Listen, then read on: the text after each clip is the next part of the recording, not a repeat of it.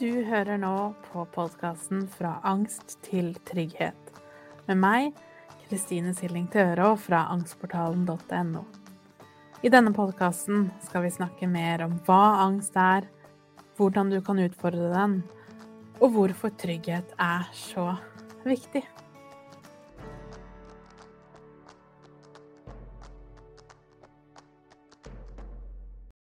Hei og velkommen til episode nummer 26 hvor vi skal snakke om når angsten skaper kaos.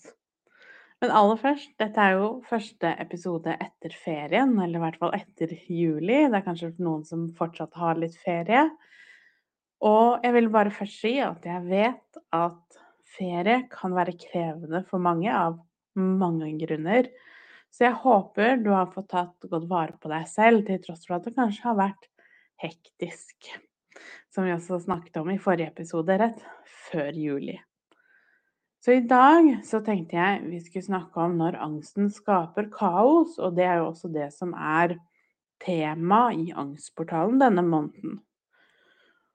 Og når jeg sier når angsten skaper kaos, så mener jeg både i den første perioden av angsten, når det er første gangen du opplever det. Så hvis du nå er litt ny for angsten, eller den plutselig har blitt mye verre enn den har vært før, eller du har hatt en periode hvor ting har gått litt bedre, og så plutselig opplever du at du har havnet litt tilbake. At angsten kanskje plutselig er litt tøffere, mer krevende, litt mer voldsom enn det den kanskje har vært en stund. Det er helt normalt. Så i dag så skal jeg snakke litt om, om hva som er normalt, og hva som er veldig typisk i denne fasen. Og så skal jeg også gi deg et første steg. Og hvis du er i Angstportalen, så håper jeg at du fikk med deg livesendingen som jeg hadde i går, altså på mandag 1. august, hvor jeg snakket mer om det her. Så når vi står midt i angsten, så naturlig nok tar det alt av vår oppmerksomhet, krefter, energi osv. Og, og det angsten ønsker, eller rettere sagt det hjernen din ønsker, er jo å ta fokus fra alt annet. For når den brannalarmen ringer i hodet, så er jo det fordi at hjernen din opplever en faktisk og reell fare som potensielt kan true livet ditt. Det kan høres voldsomt ut eller dramatisk ut, men det er jo sånn det er. Til tross for at angsten handler om at du er redd for å møte på noen, du er redd for å gå ut av døra, du er redd for å stå opp av senga, hva som helst. Uansett hvordan type angst du har, eller hva du er redd for, så er det fordi hjernen din har en opplevelse av at den tingen, eller den triggeren, medfører såpass stort ubehag at det står om livet. Og da går alarmen. Og da er det jo veldig praktisk hvis du ser for deg at du står i et rom, og så har du en brannalarm rett over hodet ditt, og den plutselig begynner å ringe. Så er det ganske vanskelig å tenke på noe annet, eller roe seg ned, slappe av, eller kanskje til og med sove. For det eneste du ønsker å gjøre, er selvfølgelig å løpe ut, rømme. Og for noen så er, blir det kanskje såpass voldsomt at du helt stivner, altså at du går i frys. Og det er det samme som skjer i hodet vårt når angsten er til stede. Så angsten ønsker jo at ditt eneste fokus her i dette øyeblikket skal være på farene. Det skal være på symptomene, på kroppen, på alt som potensielt kan gå galt. Så du er jo designa for å lytte til angsten. Og i veldig mange områder, veldig mange situasjoner, så er jo det også til ditt beste. For den angsten gjør at du holder deg unna ting som kan være farlige. Du, du, går ikke over veien på rødt lys, og du, tar, du har på deg bilbelte i bilen osv. Det er jo bare at den angsten vi snakker om her, er jo ikke en, en reell angst på den måten at farene du er redd for, er reelle. Men det føles sånn, og det er det som er helt normalt. Og derfor blir det kaos, både, både innvendig og utvendig. Fordi det nettopp tar alt du har av fokus. Så alle tankene handler om det. Følelsene er veldig ofte kaotiske og kanskje litt tåkete, nærmest. Den følelsen av at du har alle følelsene, men samtidig er det kanskje vanskelig å fortelle hva du føler. Fordi de er så iblanda. De er så hulter til bulter og kaotiske. Det blir som et røykteppe, nærmest. Du kjenner at det er kaos, uro og ubehag, men det er kanskje vanskelig å forklare det. Så hvis noen spør hvordan har du det, så er det kanskje helt umulig å svare på det, fordi det er så komplisert. Og samtidig finnes det kanskje ingen ord som som egentlig setter ord på hva du faktisk føler. Og det er helt normalt. Så innvendig, det vi gjerne føler på, er jo nettopp dette kaoset. Den uroen. Det kan være rushing i kroppen. Alle de typiske angstsymptomene som hodepine, ørhet, svimmelhet, følelse av nummenhet i hender og føtter, det å føle at vi ikke helt er til stede. Og vanlige symptomer utvendig, det er jo rett og slett kaos, det også. Det er normalt at du ikke helt klarer å holde tritt med alt som burde vært gjort. Altså helt vanlige dagligdagse ting som å dusje, ta oppvasken, brette klær, ikke sant. Sånne eh, repeterende, vanlige gjøremål det er veldig vanlig at det er vanskelig, og for mange helt umulig. Og hvis du kjenner deg igjen i det, så vil jeg at du virkelig skal ta det til deg. Det er normalt, og det blir bedre når du også får det litt roligere innvendig. Det er jo sånn når angsten tar alt du har av krefter og fokus, så er oppvasken det siste vi skal tenke på. Og det er helt greit. Det er greit at det er rotete, det er greit at det er kaos. Jeg vet du nok føler på det, kanskje skammer deg og synes det er vanskelig. Men det er normalt, og på mange måter er det kanskje en del av symptombildet, på samme måte som du også kanskje føler deg litt ør, urolig osv. Helt, helt normalt. Og jeg tror nok dette er en del av angsten vi ofte ikke snakker så mye om. Og det er nok lettere å snakke om at vi ikke har det helt greit innvendig, selv om det veldig ofte er krevende nok i seg selv å snakke om. Men det å si at vi ikke helt mestrer omgivelsene rundt oss, det tror jeg sitter lenger inne for de fleste. I hvert fall var det sånn for meg.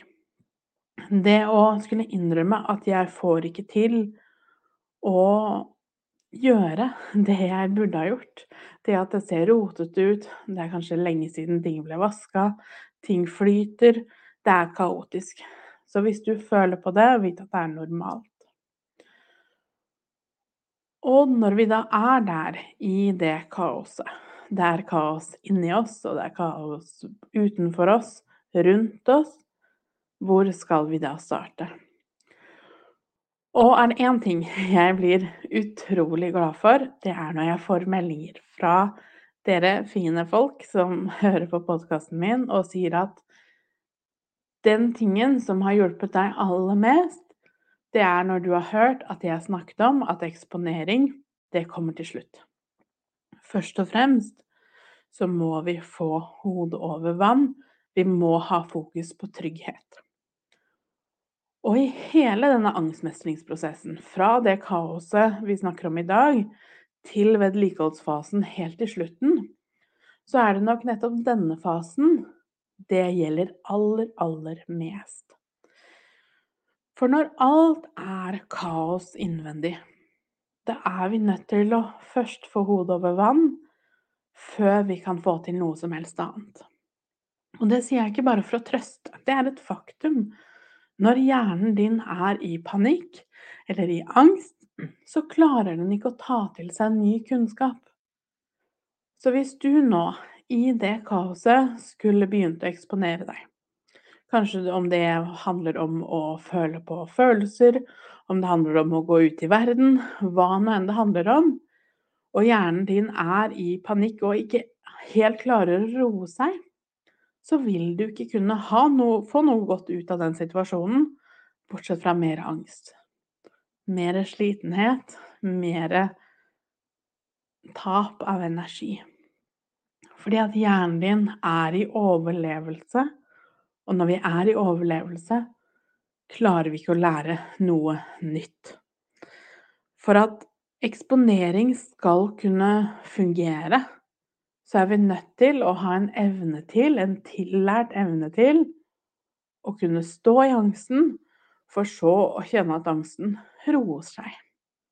Og det er helt umulig hvis ikke vi har en viss del av trygghet i bånd. Det å føle seg trygg i møte med følelsene, med oss selv, med triggerne våre osv., det må komme først. For som sagt, en hjerne som er i krig, som er i kaos, som er i overlevelse, den klarer ikke å ta til seg ny informasjon, fordi at alt det handler om, er overlevelse. Og rett og slett holde fokuset på potensielle farer, sånn at du skal holde deg i live. Og da må vi først og fremst tenke på trygghet. Så hva du kan gjøre for å føle deg litt tryggere. Og et første steg da, et kanskje naturlig første steg, det er jo å lære litt mer om angst. Og hvis du har hørt episoden hittil, så har vi snakket mye om det det at angsten er der for en grunn.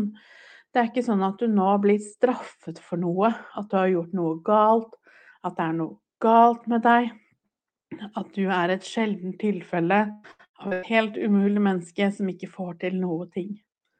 Det du opplever, det er helt normalt, det er helt selvsagt.